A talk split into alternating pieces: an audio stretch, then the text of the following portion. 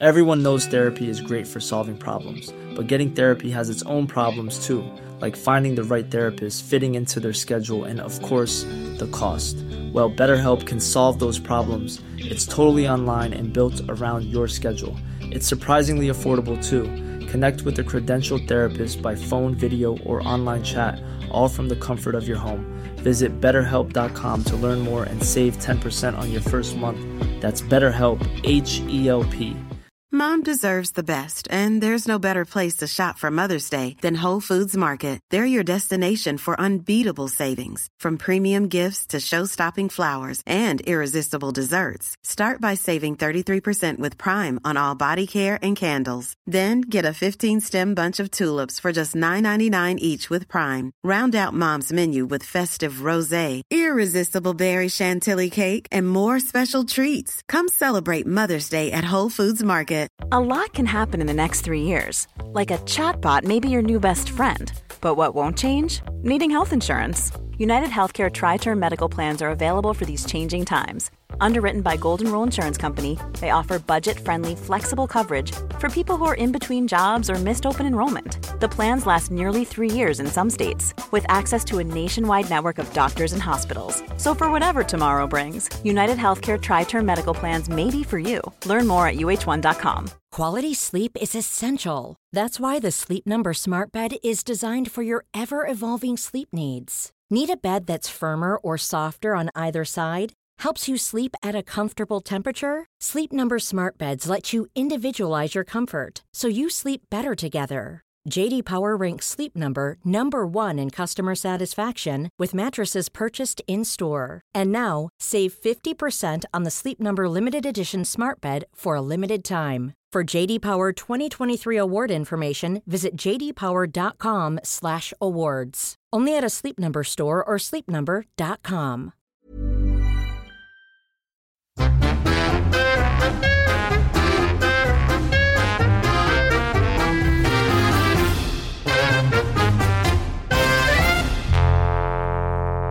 Varmt välkomna till podden Inte din morsa. Succépodden. Vi, var det som började med succépodden? Det var väl eh, Sigge och Alex. Ja, det måste det vara. Välkomna till succépodden. Det är lite så här 90-tal. Välkomna till Lagt kort ligger. och succépodden.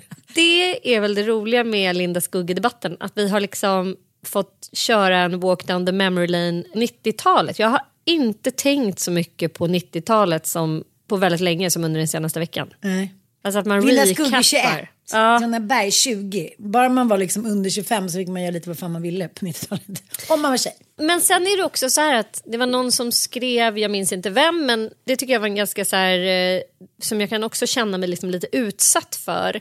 Därför att ingen, under ingen era hade ju kvällstidningarna så stor impact som då. De lyckades liksom göra kvällstidningarna till monster. Amelia Adamo var där inne och liksom gjo- gjorde alla de här bilagorna. Expressen Fredag kom. Alltså det, var, det var kvällstidningarnas guldera kan man säga i Sverige.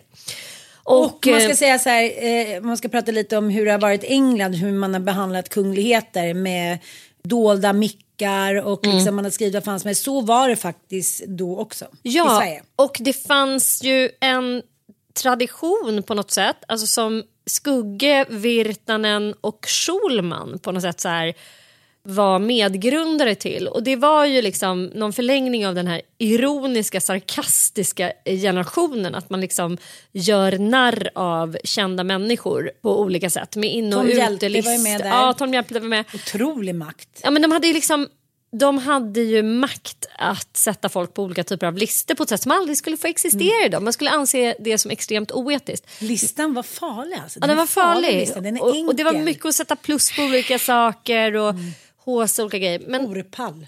ja, det var väldigt mycket horpallskänsla Ja. över hela den där eran Ja. faktiskt.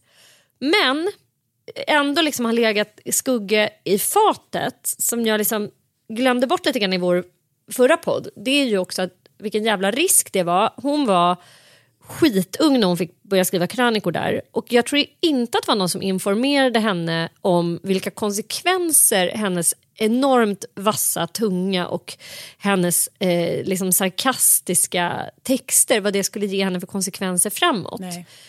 Och så är det på något sätt att varje kvällstidning skulle ha en så här ung, arg, galen brud som vågade säga vad fan som helst om vad som helst. Belinda Olsson, Belinda Olsson, var ju också en sån, Fixtim. fast i Aftonbladet tror jag.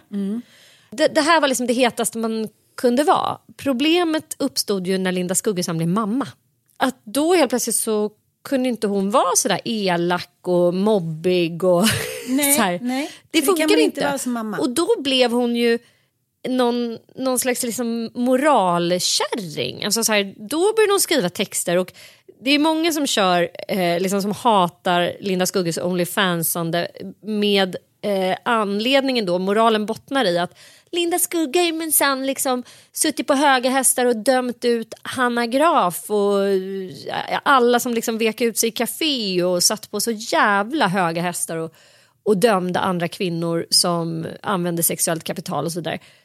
Problemet är ju, tänker jag, att eh, det är, det är en jävla stor skillnad, då, ja, men som vi sa förra veckan, att det är en jävla stor skillnad att vika ut sig i tidningen Café där. Alltså det hade man ju bara att vinna på. Men hon eh, klarade ju inte av att eh, gå in i, i morsaskapet. Och sen är det många som har känt sig utsatta för henne och därför bara hatar henne. Men jag har ju blivit utsatt för Linda Skugge. Hon har ju skrivit om mig. Då. Du har ju varit på hennes utelista.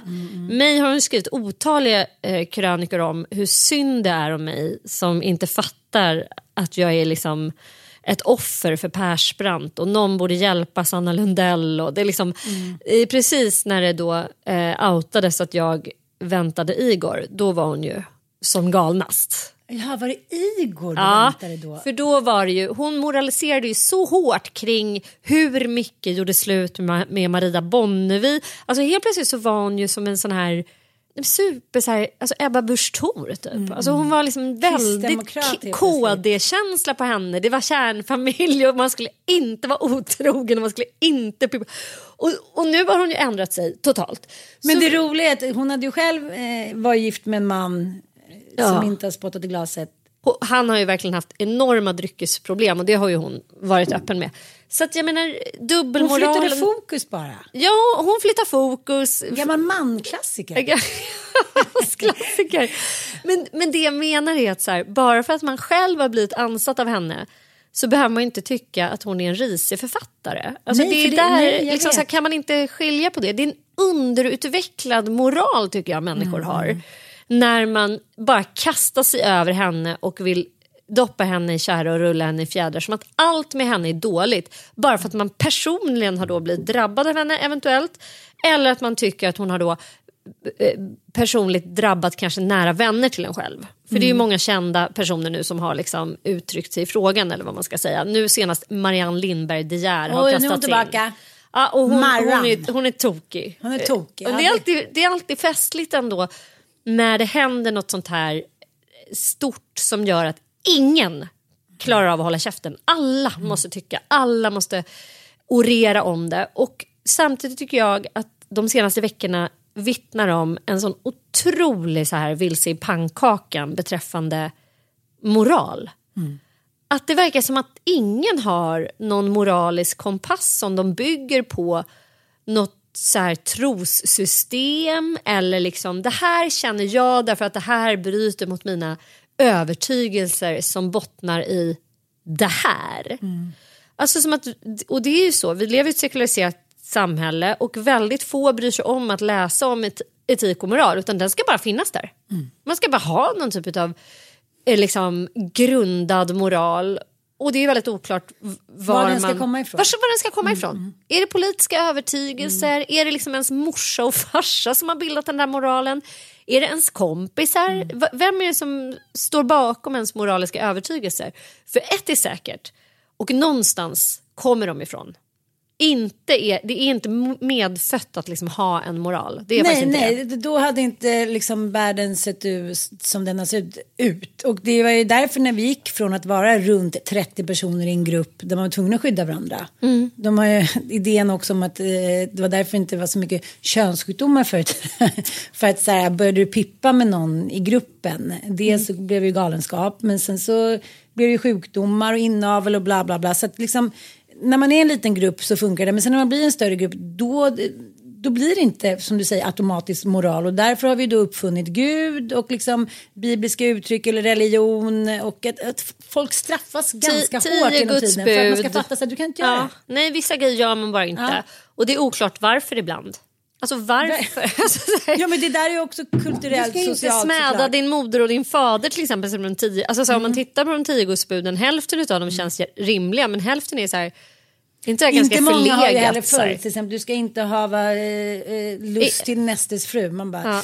okej, det var bra skrivet, ingen har någonsin brytt sig om det. Så att, så här, men jag tänker också när barnen inte då har en kyrka att gå till där det är så här banka in i huvudet, du får inte svära, du får inte döda, du får inte, du får inte, du får inte. Och jag tänker på språkbruket, jag tycker bara sen liksom oss i var liten som är 21 nu jämfört när man går på skolgården nu. Man bara, men vad är det där små liksom borstbindare typ i Tennessee? Så här, supande lastchaffisar med så här Ku Klux Klan fäbless. Nej men det är liksom ett språkbruk som är så här helt otroligt. Och då, då tänker man så här, varför säger man inte bara så här, ja, var kommer det ifrån? Jag kommer från hockeyskolan. Ja det sägs du får inte spela nästa vecka. Om du säger så en gång till. Ingen vågar.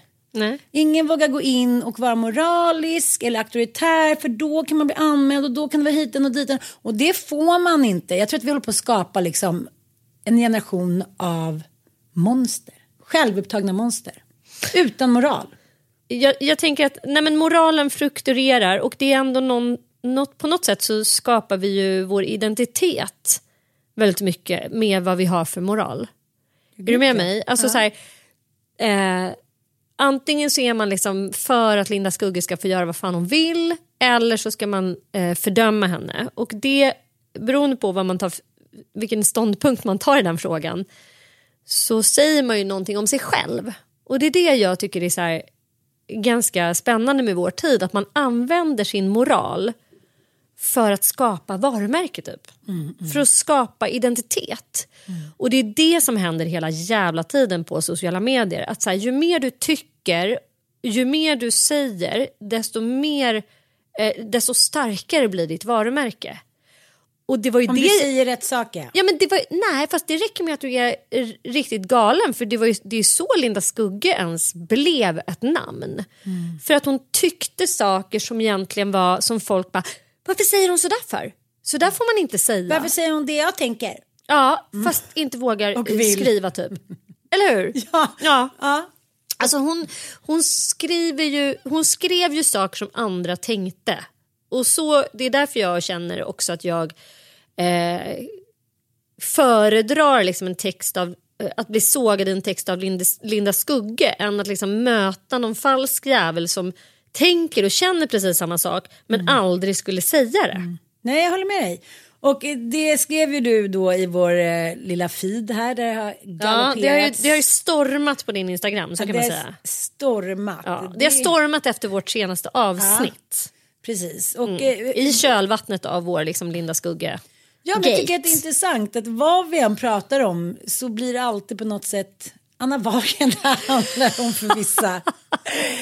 Nej, och du har ju pratat om det där eh, att samtiden har svårt att hålla två liksom, idéer och två tankar och två åsikter i huvudet samtidigt. Och jag tror också att det är därför att det är så många relationer som går åt helvete. För att vi kan inte i våra relationer, i våra kärleksrelationer inse att så här, det här är personen och den är så här fantastisk och bra på jättemånga sätt och vi passar ihop på många sätt och ja, men vi har lika värderingar.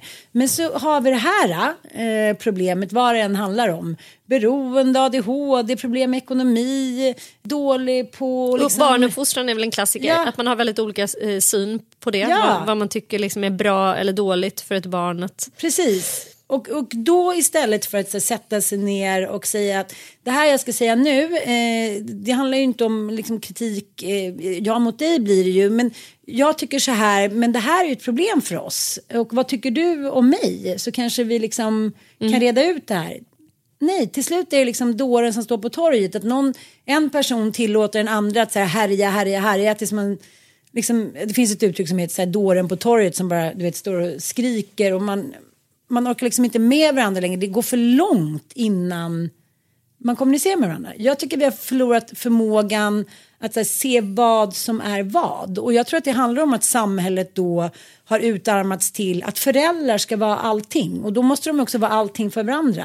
Föräldrar, älskare, vänner, gologer, sexpartners. Förut så hade vi det ju väldigt liksom, tydligt uppstyrt. Man var barn, man blev vuxen eh, och man blev gammal. De gamla steppade in under de här tuffa åren när det är karriär och jobb och det är jävligt mycket för mamma och pappa berättade för sig, ja det där kanske inte var så bra mamma och pappa och när vi var i den åldern så var det så. Eh, det är bra om man är snäll, alltså, på något sätt utbilda de här lite mindre barnen när mamma och pappa inte hinner. Mm. Och jag tycker det är ganska tydligt att vi i det här samhället som vi har skapat, vi hinner inte med allting. Vi hinner inte med moralen. There's never been a faster or easier way to start your weight loss journey than with PlushCare. PlushCare accepts most insurance plans and gives you online access to board-certified physicians who can prescribe FDA-approved weight loss medications like Wigovi and Zepbound for those who qualify. Take charge of your health and speak with a board-certified physician about a weight loss plan that's right for you. Get started today at plushcare.com slash weight loss. That's plushcare.com slash weight loss. plushcare.com slash weight loss. Everyone knows therapy is great for solving problems, but getting therapy has its own problems too, like finding the right therapist, fitting into their schedule, and of course, the cost. Well, BetterHelp can solve those problems. It's totally online and built around your schedule. It's surprisingly affordable too. Connect with a credentialed therapist by phone, video, or online chat, all from the comfort of your home. Visit betterhelp.com to learn more and save 10% on your first month. That's BetterHelp H E L P. Hi, I'm Daniel, founder of Pretty Litter. Did you know cats tend to hide symptoms of sickness and pain? I learned this the hard way after losing my cat, Gingy. So I created Pretty Litter, a health monitoring litter that helps detect early signs of illness by changing colors, saving you money and potentially your cat's life. Pretty Litter is veterinarian developed, and it's the easiest way to keep tabs on your fur baby's health right at home. Go to prettylitter.com and use code ACAST for 20% off your first order and a free cat toy. Terms and conditions apply. See site for details. One size fits all seems like a good idea for clothes until you try them on. Same goes for healthcare. That's why United Healthcare offers flexible, budget friendly coverage for medical, vision, dental, and more. Learn more at uh1.com.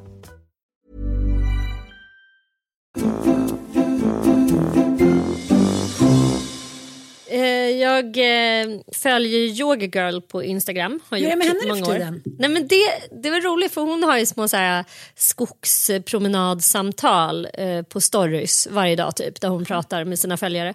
Och idag så tog hon upp precis det här du pratar om. Alltså hon har ju då inför sin andra förlossning och inför att bli mamma då till sitt andra barn bestämt sig för att köra en natural birth, att liksom föda och, och vänta barn utan ultraljud, utan liksom eh, kontroll och så vidare. Eh, och det har hon ju blivit ganska kritiserad för. Och sen så försöker hon ju verkligen omfamna moderskapet, det vill säga liksom samsova med det här barnet, för det gjorde hon ju inte med sitt förra barn.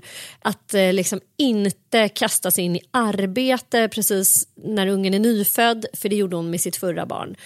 Alltså hon försöker göra om eh, och närma sig liksom ett moderskap som är mer harmoniskt och naturligt eller vad man ska kalla det för. Mm. Eh, Så hon födde ju barnet hemma i en bassäng liksom, utan smärtlindring. Hon gjorde inte ett enda ultraljud och hon hade liksom en fantastisk då free birth typ. Så. Så det har varit roligt att följa henne. Nu är ungen, jag vet inte hur många månader han är, kanske två, tre månader. Jättesöt liten bebis förstås. Hon är supergenerös med att dela med sig av postpartumtid och liksom så här. Det, det är jättefint på alla möjliga olika sätt. Men idag drog hon upp ett dilemma. Och hon landade i den slutsatsen som du precis landade i också. Att hur ska man kunna vila och hämta kraft samtidigt som man är mamma? Alltså när man har en liten bebis eh, så säger liksom instinkten och naturen till en att det här barnet ska liksom inte behöva lämna ens bröst.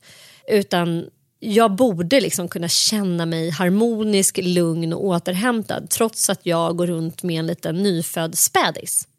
Och ändå så klarar hon inte det. Alltså hon har ett sånt djupt behov av att komma ut på en ensam promenad och simma lite i sin insjö som hon bor i och liksom bara så här, gud jag är ute och går nu. Jag bara lämnade barnet så här, eh, till min mamma och bara så här, få komma ut och bara känna att jag är någonting annat än det här modersskeppet typ. Och varför känner jag så här? Så brottades hon och liksom kände dåligt samvete över det. Varför, varför kan jag inte vila liksom i, i det här moderskapet? Och då landade att någon hon sitter i... fast i mig dygnet runt. Ja, men då landade hon i att, att det måste handla om att vi lever i små isolerade enklaver och inte i tribes då. Eh, som vi ursprungligen har gjort. It takes Mm. a village to raise a child. Och att så här, nej det var inte så att man hade sin lilla spädbarnsunge klistrad vid sin kropp dygnet Nej. runt när vi var apor. Utan det var så att vi hade liksom tio andra kvinnor som satt som man la sin unge hos och så kunde man gå iväg och simma i sin lilla sjö. Alltså, så här, Ammor. eh, till och med samammade ju med andra. Alltså, det var inga konstigt. Jag tittar på min eh, häst nu som jag har ett föl. Och det är bland det gull, alltså, vackraste jag sett för hon har ju fått sitt andra föl nu. Och det första fölet fick hon när hon levde liksom i en flock med hästar som var väldigt nya för henne. Och då var hon så överbeskyddande mot sin första fölunge. Alltså hon vågade inte lämna den överhuvudtaget och jag upplevde henne som ganska stressad.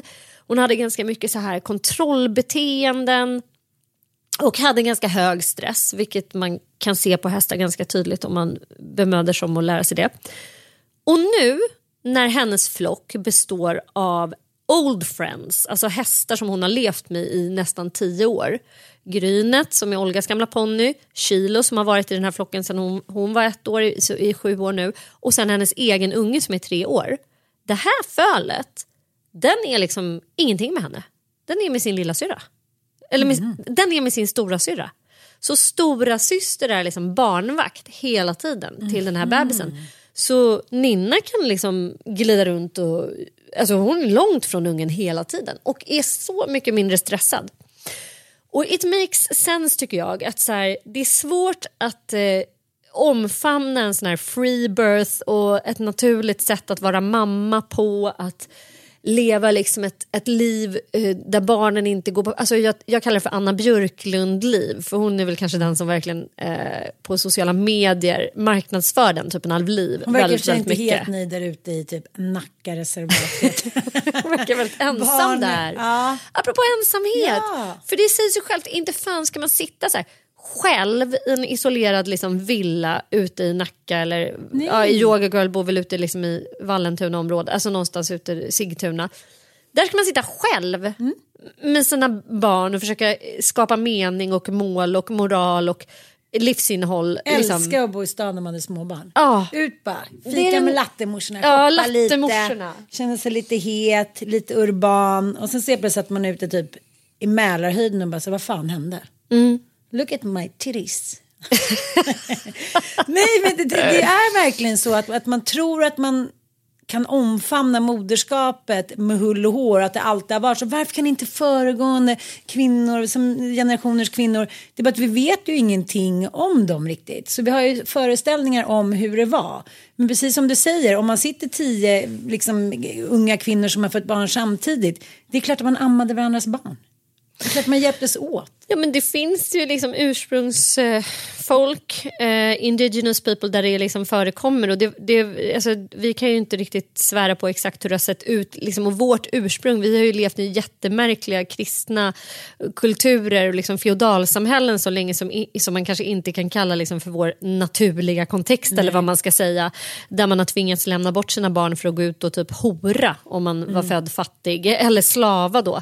Så, att, så att det är väl inte eh, liksom en, en öns, ett önskvärt sätt att leva. Men jag eh, tycker ändå att det var är spännande. borta. Ja, det naturliga är borta. Men Föda liksom vi- barn, allting. Ja. Ta liksom, när industrialiseringen kom och vi skulle bli lite moderna då blev det också en idé om att vi eh, det- Liksom det skulle, allting skulle vara modernt. Då tar vi barnen från modern och så får de ligga i kuvöser där ute. Så får fru Eriksson ta igen sig.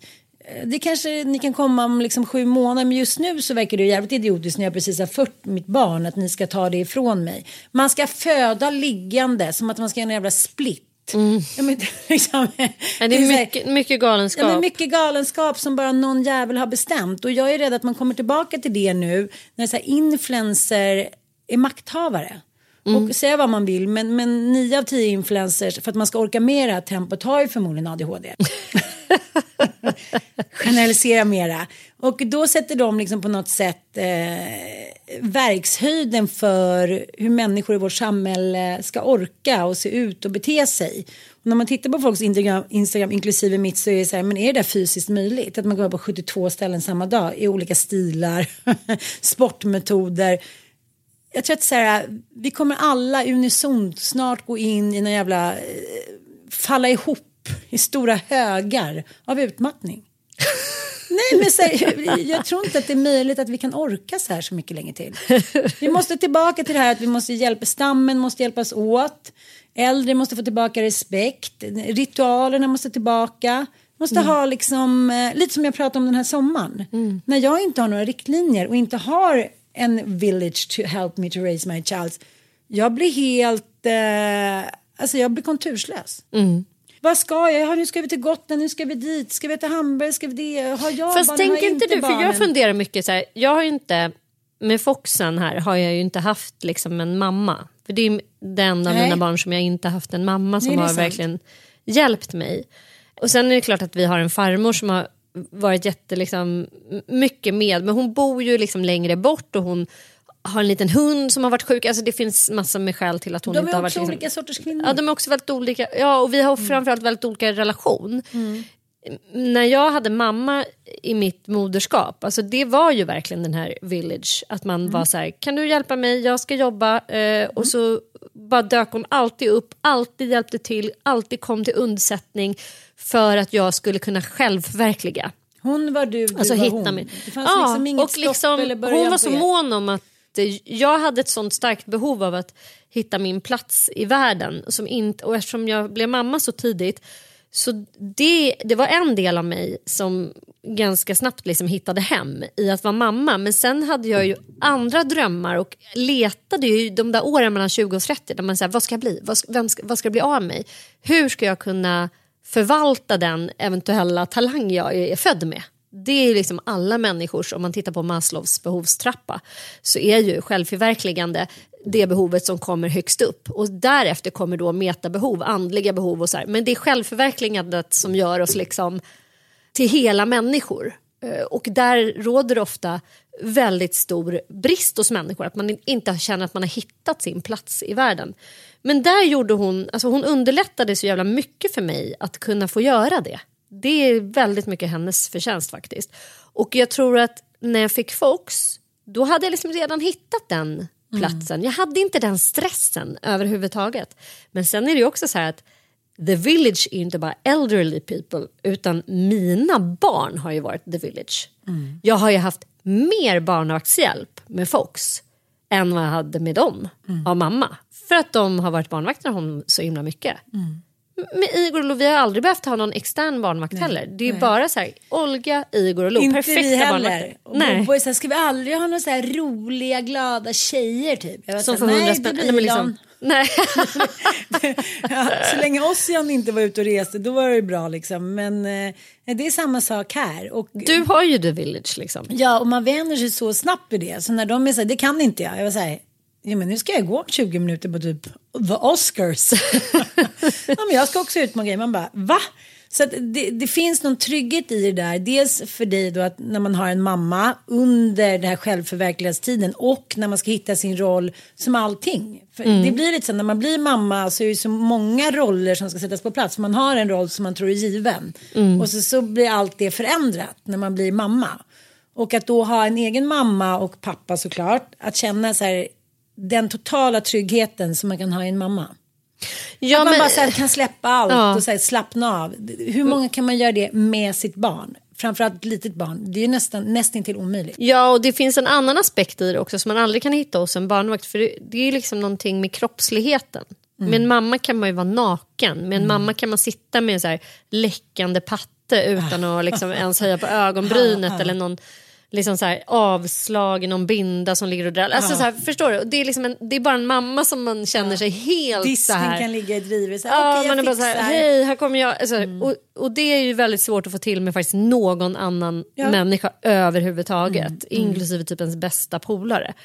Men det är spännande att reflektera över också så här, vad, var man har befunnit sig i för tid. För jag minns ju också så här med Olga, så en identitet som jag saknade så mycket och som jag krampaktigt liksom ville tillbaks till och som jag var så här, gud nu har moderskapet kommit och tagit därifrån mig. Det var ju den här identiteten som ung vuxen som handlar ju väldigt mycket om att man ska festa, man ska vara ute på krogen, man ska gå på klubb, på G-klubben Man ska inte förändra livet Nej, man ska inte, och, och det var ju, eftersom jag fick barn när jag var 22 så var det så här, vem är jag? Är jag så här mamma med liksom mm, vi föräldrar förkläder på mig eh, som står och så här, gör hemkokta sylter? Nej, jag är en så här G-klubbs kortsinnehavare som ska vara ute och festa med alla mina kompisar som inte överhuvudtaget ens har tänkt tanken på barn. Alltså det var en sån jävla identitetskrock för mig och att man var tvungen att pendla in och ut mellan roller. Och så kan jag ju känna så här, jag har ju blivit nu alltså 99,9 procent morsa bara. Jag har ju 0 procent klubbkid i mig. Och jag har, alltså jag vet inte ens om jag skulle kunna uppbåda den identiteten längre.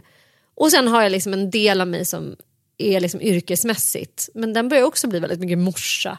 Jag saknar inte så här, Gud, jag måste bara få vara vuxen och sitta med mitt glas vin. Alltså jag saknar noll, noll och ingenting det. Nej men jag tänker, Just nu. Ja, jag fattar. Eh, jag saknade också mycket jag tänkte mycket mer på det med första kullen. Jag var så här, Mm. herregud, jag har varit ensam med dem på liksom, sommarstället. Alltså det är bara på liv och död att man skulle in till Visby och få ta sig en bläcka liksom. Nej, jag menar inte det. bläcka, men du fattar. Ja, men liksom festa. det här uh, ruskänslan Ja, som ja. inte hade så mycket med alkohol. in- Alltså, det handlar mer om att man är i natten. Liksom, Ja, den att man här, ännu en gång ska få känna livet rusa i mig. Men, men kanske riddaren står runt hörnet. Ja. Jag kan verkligen erinra mig rent kroppsligt hur det kändes en gång när jag skulle eh, in till Visby, jag hade haft barn hela sommaren. Nanook hade börjat jobba på SVT då, så han hade liksom jobbat hela sommaren. Barnen var väl så här två, nej men tre, fem och sex typ. Ja men du vet. Ja. Och jag hade precis sminkat mig och så de som skulle vara barnvakt ringde så här. Nej, jag mår lite dåligt så vi kommer inte. Jag var så här. Jo, jo. Jo, det kommer. Alltså, det var som att någon hade sagt så här.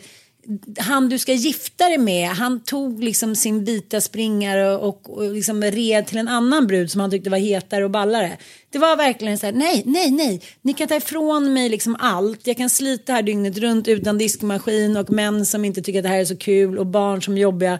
Ni kan inte ta ifrån, ta ifrån mig ungdomens natt. Ja.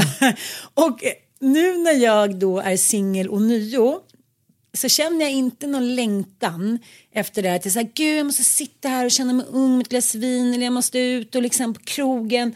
Men när jag väl är där, eller när jag gör det så tycker jag ju igen att den här känslan av så här, ungdomens natt, oj var det efterfest, jag har rosa klänning och läppglans typ, går hem med skorna i handen, så här, walk of shame. Då tycker jag ju att det är attraktivt. Men den stora skillnaden är att nu ska ju inte jag mejta för att liksom skapa familj. Nej. Så jag kan gå ut då med min walk of shame med några klackar och rosa klänning och lite så smink som hänger. Men jag behöver inte liksom, jag behöver inte känna så här, Det här ska resultera Nej, i nej. Liksom, the catch. nej, eller så här, Of my jaha. life. eller man säger så, nej jag är inte intresserad av dig, så här, nu tycker jag han var härligare. Alltså, det, det är ungdomligt, men det är också ungdomligt med makt. Alltså, ing, ingen kan komma åt mig längre, för ingen ska längre befrukta mig. Så då, makten är borta. Jag, jag känner så. Deras makt över mig är borta. Det är så här, hej då. De bara säger, jaha, ska vi höras? Jag bara, nej, hej då. Alltså jag är ganska fri i det här. För att det är så här, om det inte blir bra nästa gång från början, då måste jag ju dels bli en bra, bättre, bra, bättre partner själv. Även om det såklart förändras hela tiden. Så det handlar inte li- liksom lika mycket om männen, det handlar också mycket om så här, vad vill jag ha, vad vill jag?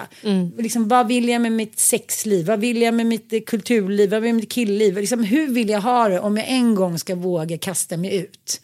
Då blir det också lite så här, jaha, vad då ska jag göra det här nu med typ, ska jag göra med intellektuell inställning till, till mejtande? Gud vad tråkigt. Men, men så vet jag så här, så kommer det aldrig bli i mitt liv, så jag behöver inte oroa mig. Men lite mer så, så här, ge inte in i någonting innan du vet vad du vill ha. Gör upp en jävla plan. Nu ska planen skridas till verket. Det är ändå en sån annan Han känsla. tillverkar ett Excel-ark. Excel-ark med checklistor. Hur kommer man åt Excel? Du kommer ha så här enkäter som du delar ut till dem. Som är krysslistor på så här, Nej, det är ingen brådska med diagnosmanualen i Det är högsta en helt ny känsla bara. Det är Ja, ingen brådska nej, jag längre. Innan var det så här, okej nu är jag 41, om det ska bli en unge till, bara okej, ägglossning. Nej, men jag, jag kan tänka så här, om jag liksom funderar, vilket jag ju absolut gör, det gör väl för fan alla som lever i en eh, relation. Om jag ibland tänker så här, men om jag skulle leva ensam nu. Den drömmen jag har framför mig, vet du vad det är? Ja. Det är att bo i ett litet hus själv med en trädgård och så min hund. Och mina liksom, så har jag ett, litet, så här, ett gulligt litet gästhus där mina barn kan komma och hälsa på. Och så har jag en jättestor hage med mina hästar. Alltså jag ser inte framför mig att leva tillsammans med någon. Nej. Och det är ganska ny känsla. Alltså så att, aha, det, det är det jag eventuellt då så här, drömmer om eller gör jag det? Eller liksom så här, om det, det är i alla fall mitt alternativ till det som är nu. Det är inte att jag tänker att jag ska leva tillsammans med en andra hälft. Det kanske är för att eh, erfarenheterna i ens liv av liksom, relationer på något sätt Det är ockuperande i det. Ja, det är ockuperande i det och det som jag tror att de allra jävla flesta kvinnor, jag vet att mamma sa det också, för jag var såhär, gud ska du inte träffa någon, det är väl roligt att dela sin ålderdom med någon. Hon bara, trevligt Sanna. Förstår du att så här, Värst jag kan 40-tal, ja, men så här, det är det sista jag skulle kunna tänka mig att ta hand om någon jävla kar. Jag bara, men det, det är väl han som ska ta hand om dig. Nej, men du vet... Barbara! Ja. Barbara! 40-talistmän som inte ens kan koka ett ägg. De vet inte ens hur man sätter på en diskmaskin. Den enda anledningen till att de är så heta på grö- gröten och vill ha liksom, relationer det är att någon ska ta hand om dem. När de ligger och de skrumpnar. annars. Ja, men de, de det är så här- det som det är det som är... händer. 40-talismen, de dör utan kvinnor. Ja. Och, och det, är, liksom- det är en hel generation som typ är ursäkta, utvecklingsstörda av fostran och hävd för att de typ inte har fått lära sig basala Nej, så här, tekniker för att ta hand Du om ett vet att min hushåll. pappa inte visste hur man satte på tvättmaskinen när mamma gick bort. Nej, men det här är inget konstigt alls. Det, det är så här med 40-talismen. Men då tänker jag så Så var det samma sak, en kompis med mig, mamman gick också bort i bröstcancer och då var han så här, vet, ett år innan pension. Och hans då dotter var tvungen att komma hem och liksom hjälpa honom bokstavligen och gå igenom hela hemmet, hur man satte på alla hushållsapparater, hur man kokar ägg, hur man sätter på brödrosten och dessutom hålla liksom igång hans sociala liv. Eh, Att så bjuda in, hon bara, "Ma- pappa man bjuder alltså hem människor på middag då och då. Annars kommer du bli jätteensam. Men du, menar att så här, det, det finns män och jag tycker att jag kan se de här eh, tendenserna hos även män i andra generationer. Att det verkar inte finnas någon reflektion. De går omkring med sitt fågelhuvud och så det så här middagsgäster, mat, sex, semester. Eh, det bara är där. Det är så här, jaha, nej ja, men, när de inte längre liksom behöver befrukta, då är så här fågelholken på. Ja, men jag tror att fågelholken på även när de, alltså, om man tänker så här, grovt generaliserat förstås, 40-talistgenerationen, där var väl rollerna så himla mycket mer utpräglat eh, liksom satta. Att så här, du är familjeförsörjare och ska ägna dig åt liksom att bring home the bacon och se till våra materiella tillgångar typ. Och sen kvinnor ska sköta det sociala och de mjuka värdena. Alltså ta hand om barnens så här, väl och ve samt se till att vi har det mysigt och uh, sköta den sociala ruljansen, typ. Bjuda in på middagar, bjuda in på små födelsedagskalas, allt det där liksom. Som man nu då försöker ändra på eh, på olika sätt. Att män ska börja ta större ansvar över det. Men där kan man också alltid hävda individuella eh, skillnader. För det gör ju till exempel min man väldigt mycket. Men jag tycker inte om att ha stora så här. Jag bara, men vad konstigt att du gärna dyker ner då till dukat bord så fort man har Gillar en inte polare hemma. Oj vad mysigt, det är den lilla påskaharen som är tillredd. Jag blir tokig. Det är också så här, sluta hävda det där. Vill inte ha någon fest när jag fyller år. Är det någon som ordnat något litet? Det är så här, måste vi spela det här skådespelet för att du ska behöva göra så lite som möjligt i hemmet? också lite som ett... av det här som då faktiskt är ganska jobbigt. För det måste man ju ändå konstatera. Ja. Du som har fem barn, jag som har fyra. Den stora födelsedagssäsongen. Och så bara, uh, liksom, man blir ruinerad, bankrutt samt så här, socialt fucking dränerad av att fixa alla de här grejerna. Det är jättemysigt men det tar på krafterna. Otroligt. Och sen så om man inte gör det på ett tillräckligt fint sätt då är det så här. Ja, det där var ju inte så mysigt den där födelsedagen. Och så kommer pappan då som är så här. Pappa bjöd på lunch eh, och jag fick den här tröjan. Så glad. Jag bara, jaha, men jag gick ju ballonger, tårta, massa presenter. Det togs bara helt för givet. Ja, det, det ska morsan göra och så jämförs kö- f- f- förs ju det då med senaste året. Så att om man har sänkt standarden då är, blir det inga glada, glada miner om man säger så. Nej. Jag tycker att det vore så roligt att inte drabbas av skuld, ångest, jag är en dålig mamma, jag är en dålig husman. Om man skulle säga sådär, "Nej, men jag tycker inte att det är roligt att ha gäster hemma. Eh, Jag gillar inte högtider. Ah, Jag gillar inte att ge presenter, det är inte jag. Man bara säger, nej men gud, vad är du då? Och hur kan du få ligga i min säng, ditt åbäke? Nej men alltså det handlar inte om manshat, det är bara så här. Nej men okej, men om 99 av 100 kvinnor verkligen tycker om blommor. Då är det så här, spela då. Hur mycket har vi fikat? Orgasmer och ungar och hiten och diten och svärföräldrar och fram och tillbaka. Kvinnor, det är enda vi gör går omkring och fejkar. Men du kunde inte fejka att du gillade att köpa blommor till mig. Och sen alltid finns det en anledning. Då skulle jag dit och då var det stängt och sen skulle jag dit och det finns en anledning för då var jag hit och dit. Man bara säger skiter i anledningarna. Du behöver aldrig mer säga någonting. Agera. Som vi gör 24-7. Nej, jag gillar inte det. Nej, men då får du väl leva i en liten grotta på Caymanöarna. och jag tror att det är det som är den hela game changingen nu. Att männen fattar det, även ute på krogen. Det går liksom inte bara så här, tja! Snygg, du är jävligt snygg. Uh, let's go home making babies. Man bara, nej, det stinker rök. Eh, liksom, du är inte fräsch. Du har inte ens här frågat om jag vill ha ett glas. Du har inte frågat vad jag gör. Du vill bara med att knulla. Men det går inte längre, tyvärr. Och det var en kille som var lite yngre och snyggare och som bjöd på ett glas och frågade hur jag mådde. Kanske stå och snacka lite om honom istället. Det här är liksom någonting som nu måste sättas lite i mäns medvetande. Jag fattar att det är jobbigt och jag tänkte på det här med småsnack. Jag snackar ju liksom väldigt mycket. Mm. Många kvinnor gör ju det, för det är ju det vi har gjort. Vi har varit instängda i tusentals år. Vad ska vi göra då? Ska vi bara stå där och titta på varandra?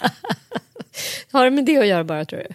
Är det inte det att vi fostras också i... Eh, alltså det måste jag säga också. Måste så hålla bra antingen- stämning ju. Ja, men dels hålla bra stämning, men det är också, en, det är också ett sätt att... Eh, apropå eh, våra överlevnads liksom, strategier och fån eh, är ju en av dem. Liksom, att förhålla sig till, att smöra, att liksom blidka, att vara un underdånig. Typiskt medberoendebeteende. Och att prata väldigt mycket det är ju verkligen ett sätt att låta den andra slippa ta ansvar över relationen. Så att pinsam tystnad uppstår aldrig för att man fyller hela tiden i och man är alltid den som ställer frågorna. Och det tycker jag också är en ganska så här, spännande... Alltså, där kan man dra ganska spännande slutsatser eh, i eh, vad man tänker sig att man har för status i relation till varandra. Tror du Jonas Åkerlund ställde många frågor till mig när jag satt bredvid honom på eh, Polarpriset? Det tror jag inte. Inte en enda. Inte en enda fråga. Så du satt och frågade honom? Ja, men det var jag satt ju också bredvid Sta- Stefan Löfven på Polarpriset. Det var samma sak där, inte en fråga. Men där tror jag mer handlar om blygsel faktiskt. Alltså, så här, det kan vi känna. Jonas Åkerlund var ju piss ointresserad av mig. Alltså så, så ointresserad som man bara kan bli. Och det kan ju provocera mig så att man bara då blir tyst för att man typ säger jag tänker inte sköta snacket här. Nej. Får det vara tyst. Men varför skulle du göra det för? Ja. Men det var i alla fall mitt sätt att tolka det. Det kanske inte alls var så här, men det är min upplevelse och jag har ganska bra instinkter, ganska bra på att läsa människor. Men med Stefan Löfven var fan en blygsel alltså. Rolig polarmiddag, du bara okej jag super ner mig och... Det var precis vad jag gjorde. det är inte bra. Nej men då var det någon killkompis till mig som så här, sa så här om dagen. Jo men du måste också förstå, det finns många förklaringar. till att killar inte är så bra på att snacka. Och det här var hans förklaring då. I och för sig make sense, men han menade på att vi har ju våra gamla hjärnor och det har vi ju. Och, eh, Var den här killkompisen Navid Modiri?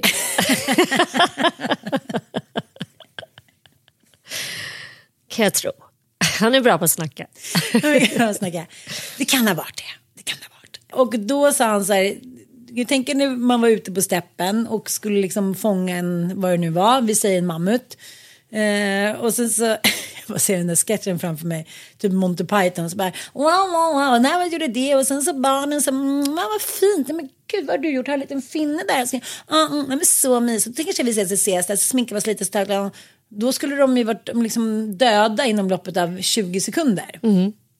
Så fokuseringen på så här, vi måste ju ta hem mammuten till mammorna för att liksom vi ska fortleva vår släkt. Så då menar han på att det är därför männen har sin gamla hjärna som är så här, just apropå att man tänker så här, efter 40 verkar det som att snubbar går omkring med fågelholkar på huvudet. Eller börjar cykla eller köra Vasaloppet, för där är så här, kanske ingen som tycker jag är het längre, men jag har min cykel. De måste ha sin hobby för att liksom få längre kokones. Ja, det är deras penisförlängare. Liksom. Bilar, eh, sport, maraton. det är inte så mycket liksom, eh, förtäckta, så här, ång, förtäckt ångest. De här loppen man är i. Man bara, det är så mycket ångest i spåren. så det är liksom synd om alla just nu lite grann tycker jag. Men det är en svår tid att navigera i. det, är det. det är svårt att veta. Men man, det, man, det kan vi väl sluta oss till, som vi oftast gör. Att eh, det är lite synd om män och det är lite synd om kvinnor. Och det är lite synd om oss alla, framförallt om samtidsmänniskan som har... Vi har snurrat till det så mycket i vår kultur. Alltså vi, har, vi har, vad ska man säga, alltså vi har satsat så mycket på vissa värden, på individualismen.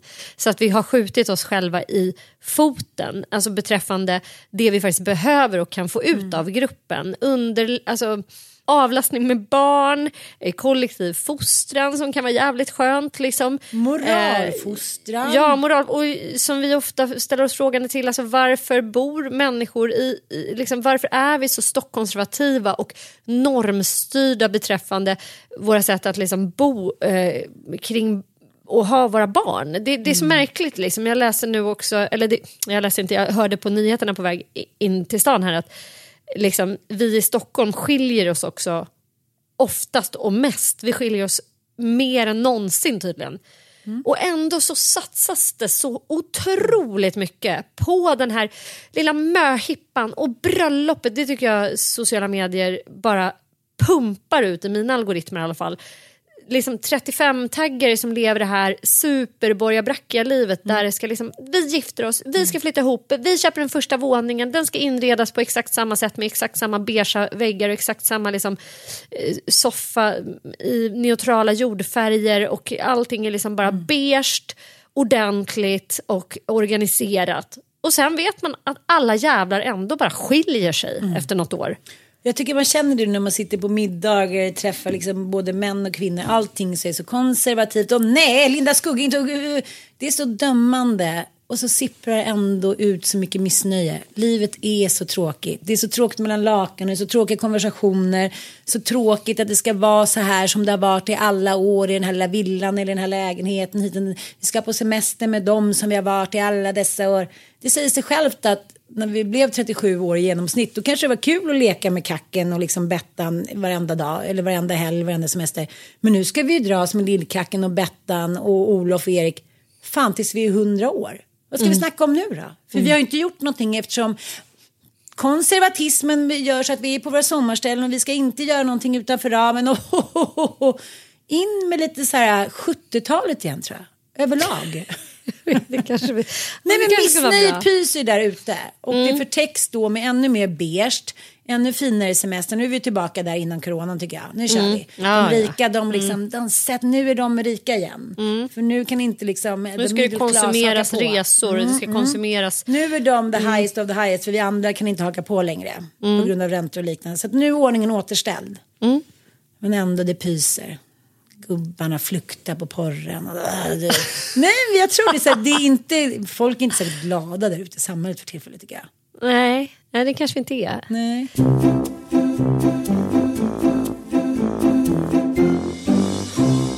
hörni, det gick helt åt helvete med eh, tekniken här. Därav detta rumphuggna slut. Eh, ni får överseende med att Ann inte är med och att jag sitter i eh, mm, en bil för att försöka åstadkomma någon slags okej okay ljud här. Ja, så här blir det ibland. Vi är inga mästare på teknik. Så eh, sånt, eh, sånt här kan tyvärr hända även den bästa så att säga. Ja, nu är vi ju inte bäst på teknik men ni fattar vad jag menar. Ha en underbar vecka och eh, prenumerera gärna på oss. Och gå in och följ oss på Instagram. Inte din morsa heter vi. Och jag vill också säga innan jag avslutar eh, att det är så jävla kul att det är så många av er som vill följa med på en härlig Inte din morsa helg som vi kommer lägga i juni på surflogiet på Gotland. Mer info kommer till var och en av er som har skrivit till oss i DM på Instagram eh, så fort vi har så att säga eh, ja, vi har satt detaljerna med surflogiet. Och det här kommer bli så nice. Det är så himla härligt att ha grejer som man ser fram emot långt fram i tiden, tycker jag. Puss!